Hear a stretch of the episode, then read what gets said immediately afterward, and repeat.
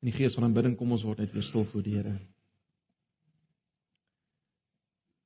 Here, hoe wonderlik is dit om U te aanbid. Ons is so bewus daarvan dat dit is waarvoor ons eintlik gemaak is. Nou wil ons vra dat U vanoggend deur U woord ons nog meer bewus sal maak van hierdie feit. En dat U ons uiteindelik sal beweeg ook vanoggend deur U woord om U meer en meer te aanbid. Here, ek wil bid vanoggend vir vir elkeen wat hier is dat U met elkeen sal werk en sal praat deur die Gees wat in ons midde is. Maar ek bid ook vir elkeen, die vele wat nie vanoggend hier kan wees nie, wat siek is en swaar kry. Wil U ook maar net in hierdie oggend hulle oë verhelder om U te sien vir wie U is en U bystand te beleef. Ek bid vir hulle wat die week wat verby is, geliefdes aan die dood afgestaan het. Ek dink aan Karin Miller en ander. Ag Here, ek wil bid dat U sal vertroos en sal versterk, sal bemoedig. Evelyn van Blommensteen, suster van die dood afgestaan het. Ag Here, ons dra hulle almal op aan U.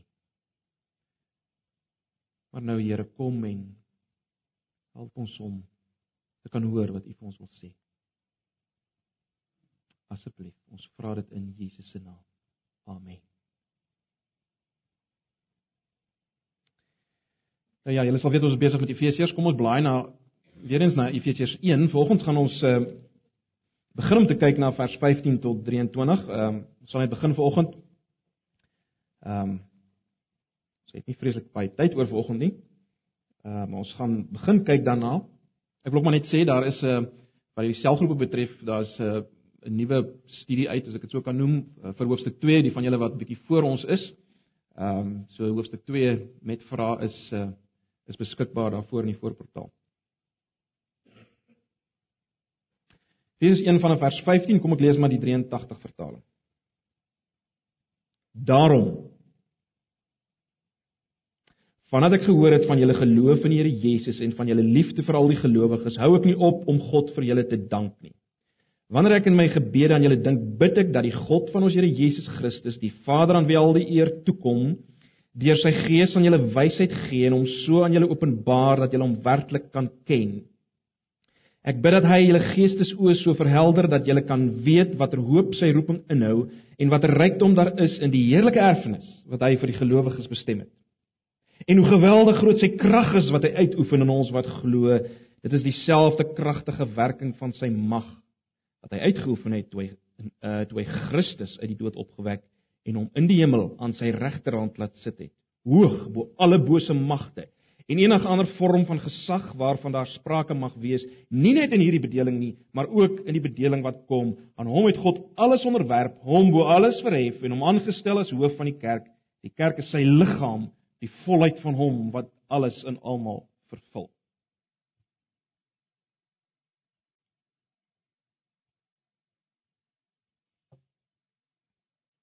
Ja, broers en susters, ek dink tog julle sal my saamstem en ons het al daaroor gepraat.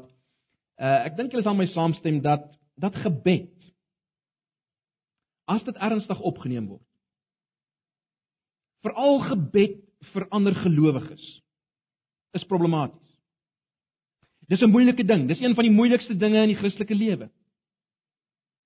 Gebed spesifiek dan vir ander gelowiges.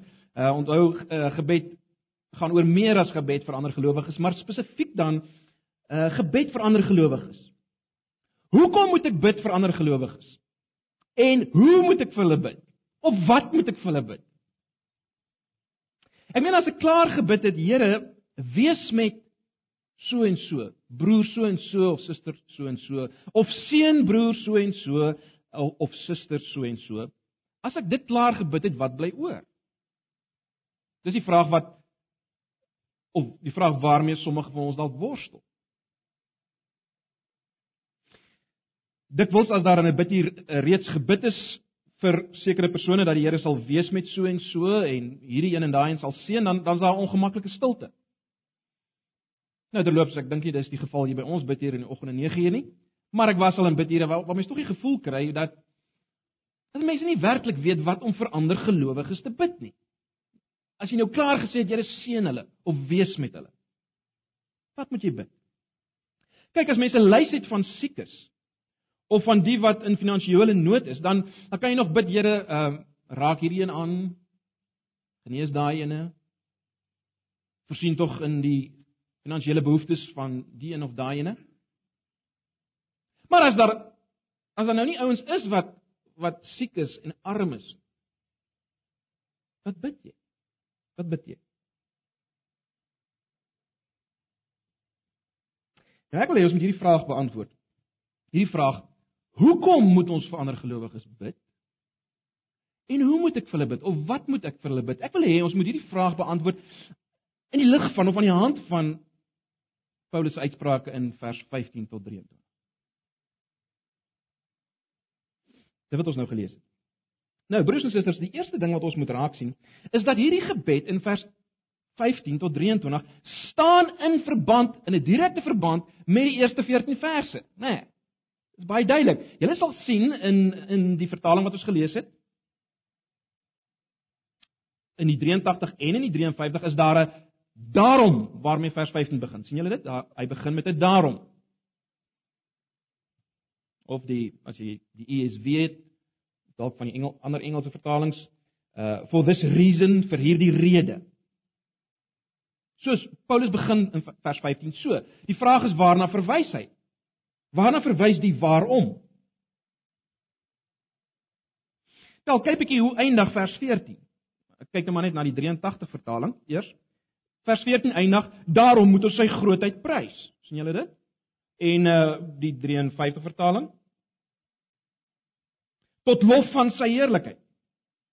Julle sal onthou, uh, ek het al daarop gewys dat die meer letterlike vertaling is natuurlik die een wat ons in die 53 vertaling kry tot lof van sy heerlikheid tot lof van sy heerlikheid. En ons het gesien in die eerste 14 verse wat ons nou redelik deeglik deurgetrap het, ons het gesien elke keer nadat daar gesê is waarmee God ons reeds geseën het in die hemele, in die onsigbare riem, het hy ons reeds geseën met ongelooflike dinge en hy gaan ons nog seën elke keer nadat Paulus dit gesê het, kry ons die frase tot lof van sy heerlikheid. Dis die letterlike vertaling. Die 83 maak dit amper meer 'n opdrag, daarom moet ons God prys vir sy grootheid, maar eintlik letterlik uh, de, uh tot lof van sy eer en heerlikheid. Met ander woorde, die gedagte is God het ons geseën met hierdie dinge sodat ons hom kan loof en prys. Hom kan eer. Dis die rede waarom hy ons uh seën. Dis die uiteindelike doel daarvan. God moet geprys word. Dit word gedoen tot lof van sy heerlikheid. So, terug nou by vers 15. So as Paulus broers en susters nou begin met 'n daarom in vers 15 of of vir hierdie rede, dan sê hy omdat God geprys moet word, omdat dit die rede is waarom hy ons geseën het en nog gaan seën, daarom gaan ek nou bid. Daarom gaan ek nou bid. Daarom gaan ek God nou dank. Jy sal sien die hoofsin in vers 15 is eintlik net mooi dit. Daarom hou ek nie op om God vir julle te dank nie. Ons sal nou kyk na daai ehm um, frase in die middel, né? Wat is die hoofsin? Daarom gaan ek God nou dank. So omdat dit waar is, omdat God geloof en geprys moet word, omdat hy ons seën vir daai rede wel, dis hoekom ek nou gaan bid Ek gaan God nou dank. En daarom gaan ek bid as ek dit so kan stel. Daarom gaan ek nou bid vir dit wat gaan veroorsaak dat julle as gelowiges God gaan prys. sien julle die verband? Dis wat Paulus in Efek sê. Daarom gaan ek God dank, want hy moet geprys word vir al sy seënings. En en alhoewel hy dit nie eksplisiet sê nie, dis die rede waarom hy nou gaan en ek hoop ons gaan dit raak sien. Dis waarom hy nou gaan bid vir die gelowiges sodat hulle God almeer kan dank. So broers en susters, ek hoop ons sien hier heel aan die begin dat gebed vir ander gelowiges is iets geweldigs.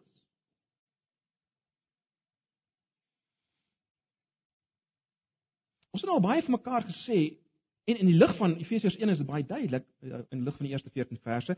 Ons hele skepingsdoel is om God te prys, om God te dank.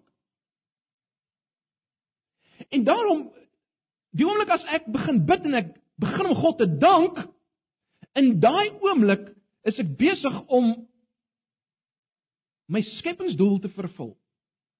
Ek doen wat ek voorgemaak het. Die oomblik as ek in gebed God dank.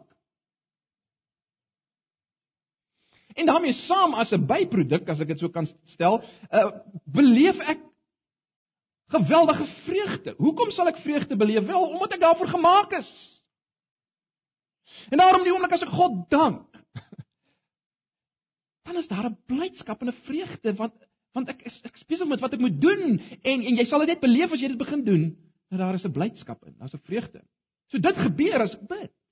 So jy vervul jou skepingsdoel. Maar meer nog, deur jou gebed vervul ander hulle skepingsdoel en dit is dis wat ons nou gaan sien, dis waarvoor ons bid vir ander sodat hulle uiteindelik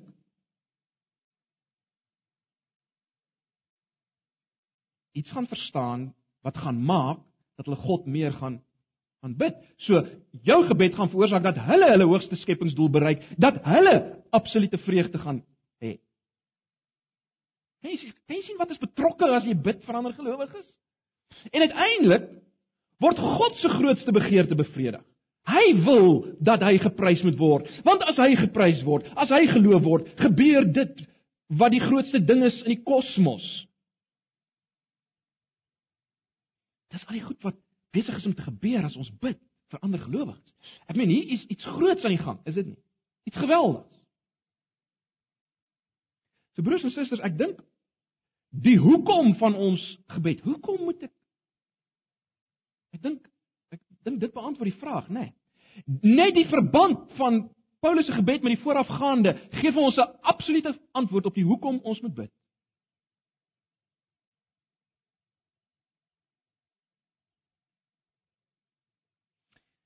Baie van ons worstel met ons lewens wat vir ons voel dit maak nie sin nie.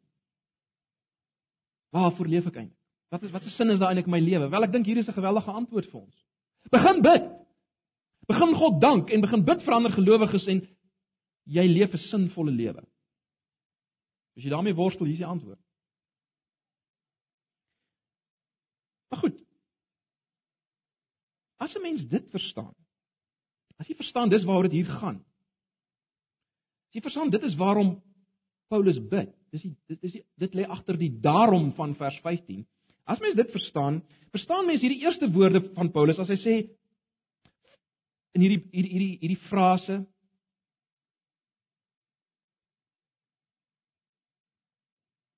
Vandat ek gehoor het van julle geloof in die Here Jesus en van julle liefde vir al die gelowiges. Mens mens begin dit verstaan as jy verstaan wat ek nou net gesê het. Hoekom? Want broers en susters, geloof, die aanwesigheid van geloof en liefde is die merktekens daarvan dat mense geseën is deur God. Met ander woorde, dis die merkteken daarvan dat die eerste 14 verse waar is van hierdie mense. En God het ons nou gesien het hulle geseën tot lof van sy heerlikheid sodat hy gedank kan word. En daarom daarom dank God Ag daarom dank Paulus vir God as hy hoor van hulle geloof en hulle liefde. Want dan weet hy dis waar van hulle. En God moet gedank word daarvoor. En let wel, nie as hy hoor van hoe baie dinge hulle doen in hulle gemeente nie of uh hoe baie hulle net weet nie. Hy dank God as hy hoor van hulle geloof en liefde. Broers en susters, ons ons vergeet dikwels die ongelooflikheid van geloof in die Here Jesus. Ons sal later sien in hoofstuk 2, maar Paulus is baie duidelik dat hierdie geloof is 'n wonderlike gawe van God om te glo in die Here Jesus, om hom te vat op sy woord. Dit is so geweldig dat Paulus as hy aan die einde van sy lewe is, die een ding waarvoor hy God dank is dat hy die geloof behou het. Hy hy dank God nie vir al die gemeentes wat hy geplant het nie. Hy dank God dat hy geloof behou. Want dis iets ontsagliks. En ek het vir julle gesê, geloof is ook reeds die aanduiding dat jy besig is om God te eer en vereer Want as jy iemand op sy woord neem, as jy iemand vertrou, dan eer jy hom Geloof is ontsaglik belangrik. En as Paulus geloof sien in mense, dan begin hy God dank want dan weet hy daar's 'n werk van God. God het hulle gekies. God het hulle sy kinders gemaak en so mee. Maar daarmee saam liefde, né, nee, liefde. As hy liefde sien. Hoekom? Want dit wys dat hulle die karaktereienskappe van hulle Vader begin openbaar want God is liefde. Hy, dis hoe God is in sy wese. En as mense begin om liefde te openbaar teenoor mekaar, teenoor medergelowiges, dan dan sien Paulus maar hier's hier's hier's hier's nuwe mense. Hier's mense wat deel is van 'n nuwe familie. So God moes hulle gekies. Sy kinders gemaak het. Sy gees in hulle gegee het en God is op pad om hulle almal onder een hoof onder Jesus te verenig. Soos Paulus dit sien, dan dank hy God.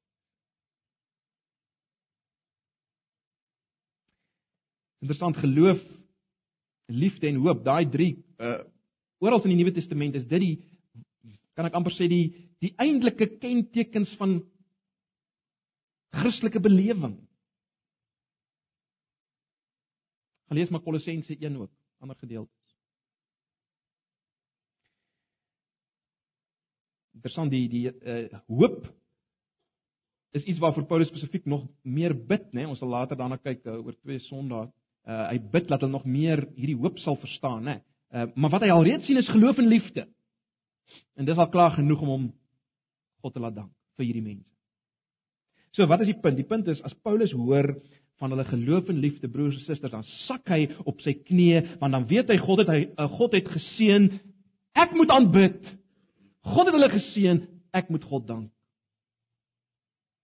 En hierdie mense, hierdie mense moet ver, begin verstaan waarmee hulle geseën is sodat hulle kan aanbid. Dit bring ons by ons volgende groot vraag. Goed. Ons het nou gesien hoekom ons moet aanbid.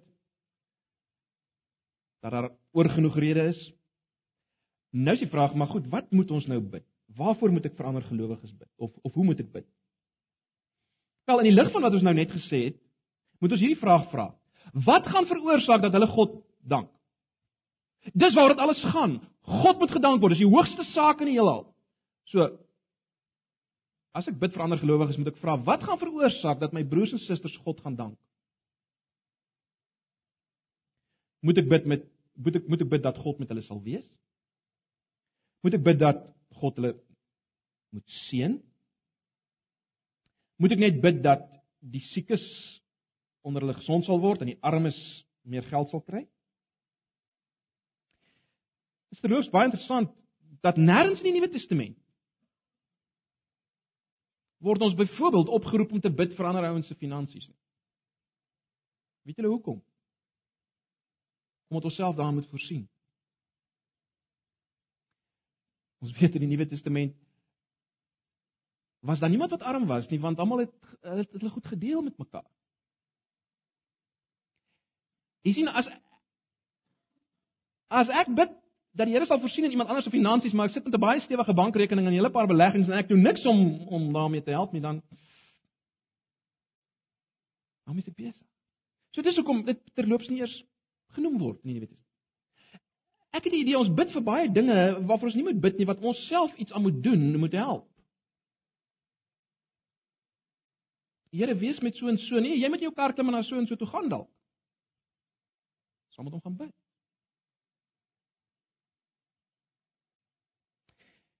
Maar meer as dit finansiële probleme word nie altyd opgelos nie. Sal nie altyd opgelos word.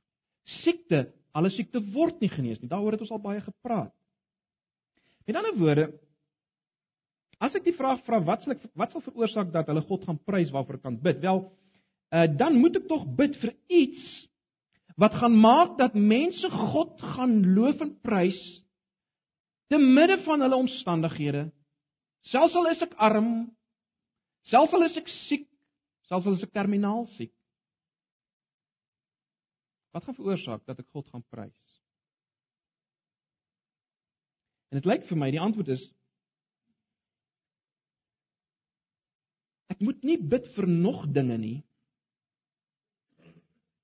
Ek moet bid dat hierdie gelowiges en ons praat van gelowiges waarvan ons bid dat hulle sal besef wat hulle reeds het in Christus. Het ons nie gesien dat ons geseën is met alle geestelike seënings in die hemele, dit wil sê in die onsigbare riem nie?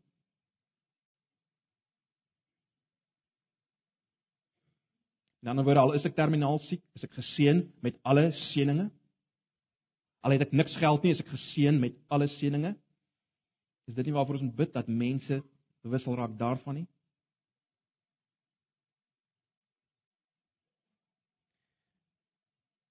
So ons moenie bid vir nog 'n seëning of 'n tweede seëning nie. Nee nee, ons moet bid uh dat mense die implikasie van die seëninge wat hulle reeds ontvang het, mag waardeer en besef. En daarom is die essensie van die gebed wat Paulus bid, is dit sodat hulle mag weet. Dis die essensie van die gebed.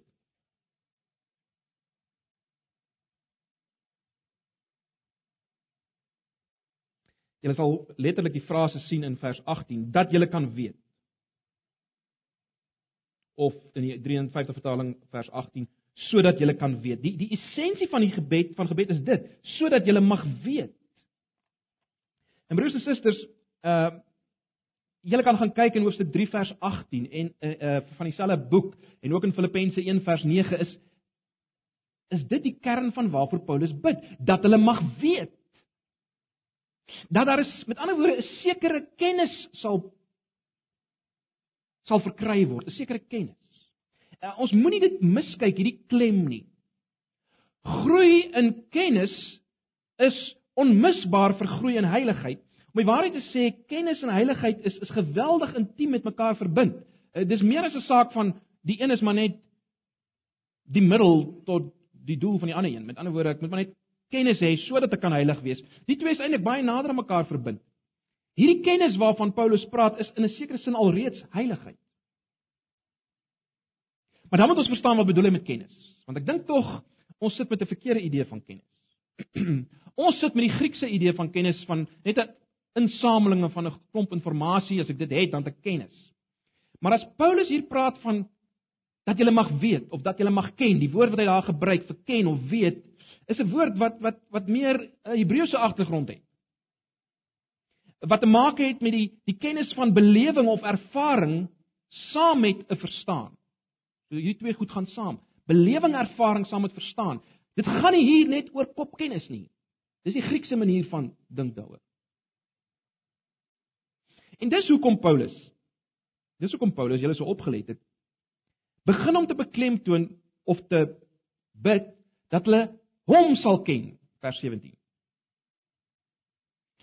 Jy sien hierdie ken begin by die ken van 'n persoon en die ken van 'n persoon sal julle weet is meer as die besit van 'n klomp inligting oor die persoon. Ek kan geweldig baie weet van persoon B. Waar hy vandaan kom, hoeveel grade hy het. Al hierdie dinge, maar ek ken nog nie die persoon nie. Ek ken hom, ek kan nie sê ek ken hom nie. Maar dis waar Paulus begin. God persoonlik moet geken word. En is binne hierdie konteks van kennis van hom wat die gelowiges moet weet wat die hoop van sy roeping is en wat die erfdeel is en wat die krag is wat in hulle werk en so mee. Dit begin alles met die ken van hom, hierdie persoonlike kennis van hom. En broers en susters, ons het al vir mekaar gesê, daar's geen hoër kennis as die kennis van God nie. Hierdie kennis van God word in Johannes 17 genoem die ewige lewe. Jesus bid in Johannes 17 dan sê hy en dit is die ewige lewe dat hulle U ken Die ewige lewe het nie te maak met lank lewe eendag op 'n ander plek nie. Dis ken van God hier en nou is ewige lewe. Dit sal nooit eindig Die ken van watter God? Wel die God waarvan ons nou gelees het in die eerste 14 verse. Die God wat my gekies het in Christus. Van ewigheid. Die God wat my bestem het om om my aan te neem as sy kind en al die voorregte en regte daarin verbonde. Die God wat my vrygekoop het van sonde in die wêreld deur die bloed van sy seun God die seun, onbegryplik. Die God wat wat alles onder een hoof gaan verenig in Jesus en ek gaan daarvan deel wees. Die God wat my verseël het met die Heilige Gees en hom as waarborg gegee het vir alles wat ek gaan kry. Dis die God wat ek moet ken. Dis die God wat ek moet ken. Dis hoe hy is.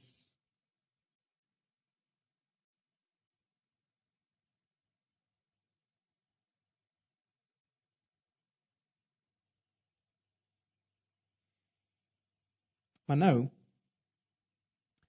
kennis van hierdie God om hom so te ken is openbaring nodig. So waarvoor bid Paulus?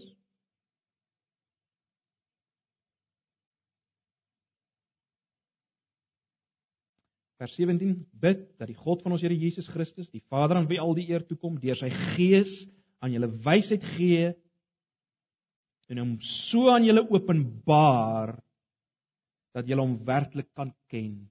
Jy sien daar is openbaring nodig. Nou sommige vertalings vertaal Gees met 'n klein letter. Uh maar ek dink tog ons moet hier verstaan die Heilige Gees.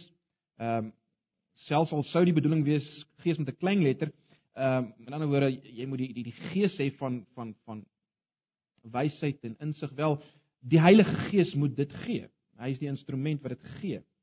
Maar kom ons kom ons neem dit as Heilige Gees. Dat Paulus bid dat God deur sy Gees met 'n hoofletter wysheid sal gee om te verstaan, openbaring, openbaring sal gee.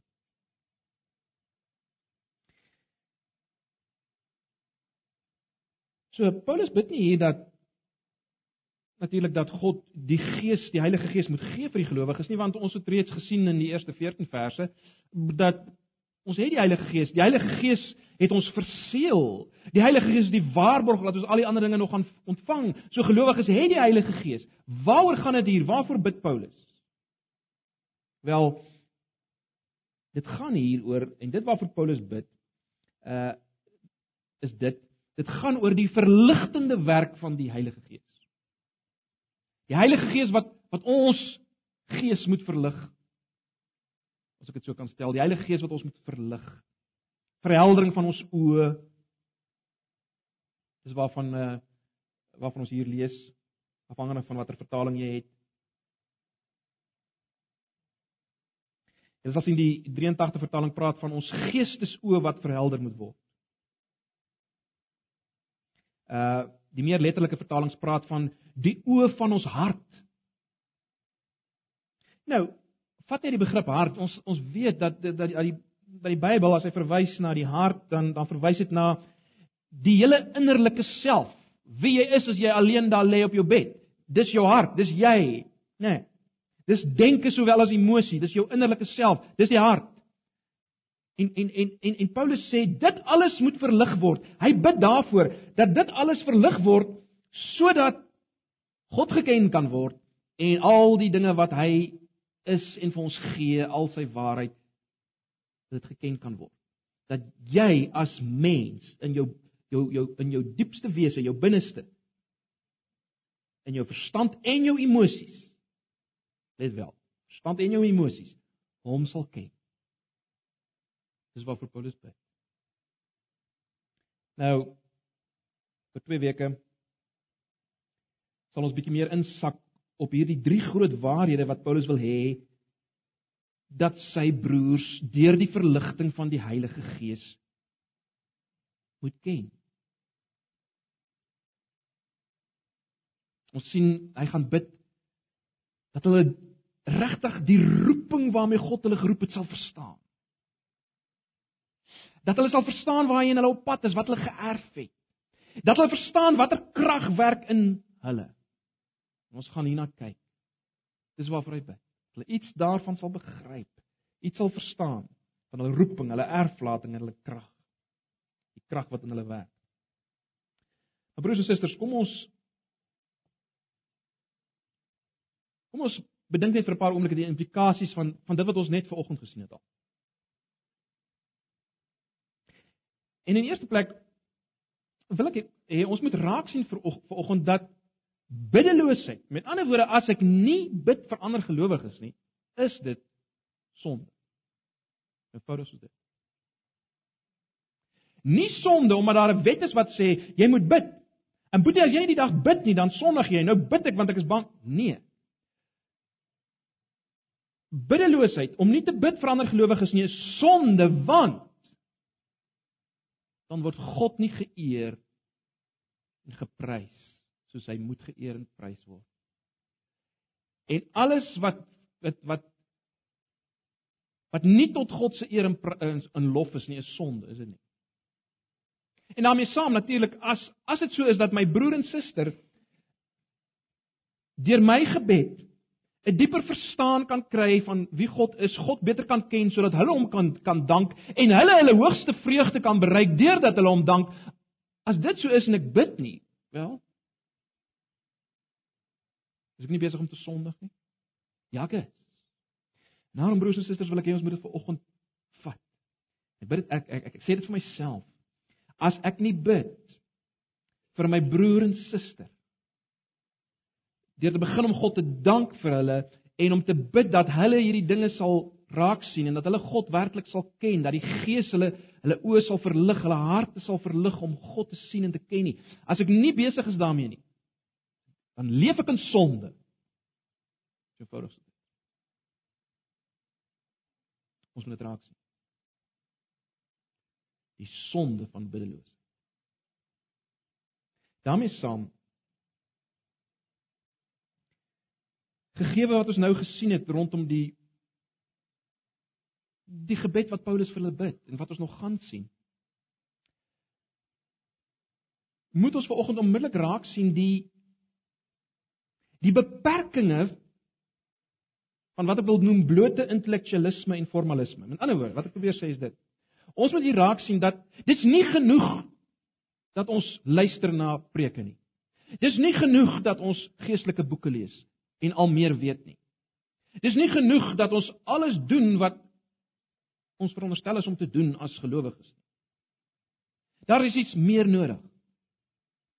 Daar is iets wat net God die Heilige Gees kan doen as hy ons uh, uh, verlig, ons ons geestesoë verlig of die oë van ons harte verlig, net soos jy dit wil vertaal. As hy vir ons openbaring gee. Daar is iets wat wat net hy kan doen. En en daarvoor kan ons net bid. Maar die punt is as ons sonder dit bly, dan dan mis ons 'n geweldige dimensie. Dan bly ons in onkunde. Al weet ons alles wat in die boek staan, as ek dit so kan stel. Bly ons in onkunde oor God as ons nie bid vir mekaar.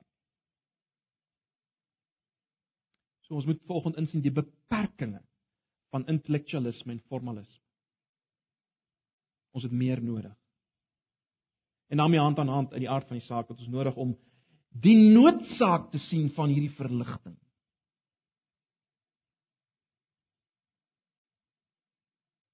Met ander woorde, broers en susters, ek saam met julle moet begin besef hierdie broers en susters van my gaan nie kom tot 'n kennis van God. Gaan nie kom tot 'n werklike verstaan van dit waaroor ons ook nog gaan praat, hierdie hierdie roeping en die erfdeel en die krag wat in hulle is. Hulle gaan nie daartoe kom net deur prediking nie. Hulle gaan nie daartoe kom net deur goeie boeke te lees nie. Daar is nie manier nie. Ons het die Heilige Gees nodig en sy werk. Ons het verligting nodig. Ons het openbaring nodig. En dit kom nie op 'n ander manier as deurdat ek bid dat dit sal gebeur. Ek meen die blote feit dat Paulus dit doen sê dit vir ons. En dit het vir ons opgeteken. En soos ek reeds gesê het, dis nie die enigste plek nie. In hoofstuk 3 gaan ons dit weer sien. dit gebeur nie van selfsprekend nie. Ons sien dit in Filippense 1 vers 9. Ag broers en susters, dis my gebed dat ons dit sal raak sien. Ja, dis die implikasies van dit wat ons vanoggend vir mekaar sê, dat begin hulle by myself dat ek dit sal raak sien en dat ons op ons knieë sal begin kom. En daarom sluit ek af en en ek wil hê ons moet ons moet drie dinge vanoggend doen.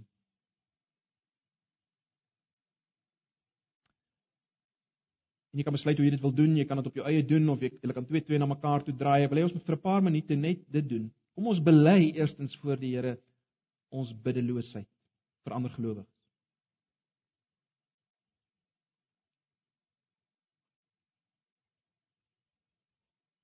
Die rede daarvoor is dalk dat ons nog nooit gesien het dat ons besig is met iets ontsagliks. as ons wanneer gelowiges gelowiges bid nie. Mense wat hulle skepingsdoel bereik en 'n God wat gelukkig is. So kom ons bely, Here, ek het nie gebid nie want ek het dit nooit so gesien nie. Dis die een ding wat ek wil hê ons moet nou doen. Dan wil ek hê ons moet God dank vir die geloof en die liefde wat ek sien by my broer en suster. As aanduiding dat God iets gedoen het in hulle, hulle geseën het. Kom ons dank die Here daarvoor en dan dan bid ons vanoggend vir mekaar. So ek sê jy kan bid vir die persoon langs jou of op jou eie vir iemand anders, maar bid vir hierdie verligting. vir hierdie openbaring sodat my broer en suster God werklik kan ken.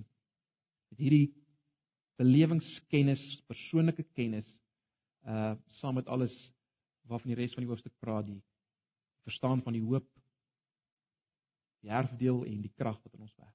So ek wil hê ons moet vir 'n paar oomblikke dit nou doen. Um 'n belydenis 'n dankende voorbring uh, in die lig van wat ons nou gesê het. Gee 'n paar oomblikke van van stil gebed of soos ek sê, julle kan hardop ook bid. Draai na mekaar toe. En, en dan sal ek net van ons afsluit.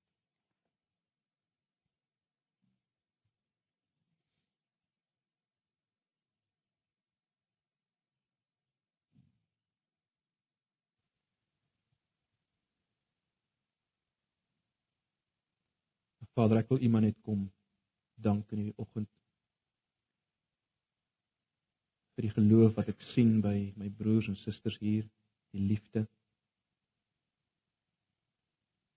Maar ek wil maar net vir oggend bid dat U deur U Gees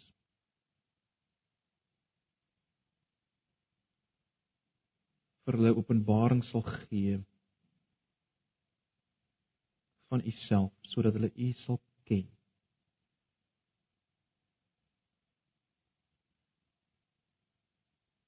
Sal weet wie U is met meer as kopkennis maar met belewingskennis.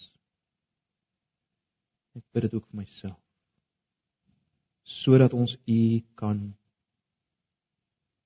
dank, kan prys, kan loof. Here, ons is die bewus daarvan dat ons ook dan ons eie hoogste vreugde sal beleef.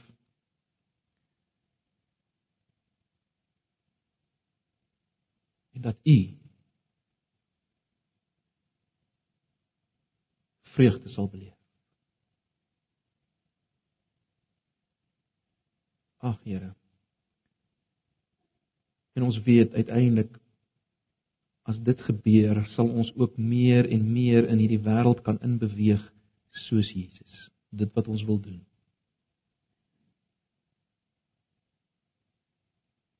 Ag Here, ons bid dit net alles in die wonderlike naam van Jesus deur wie alles moontlik gemaak is. Jesus ons Here. Amen. Kom ons sluit af met die laaste lied.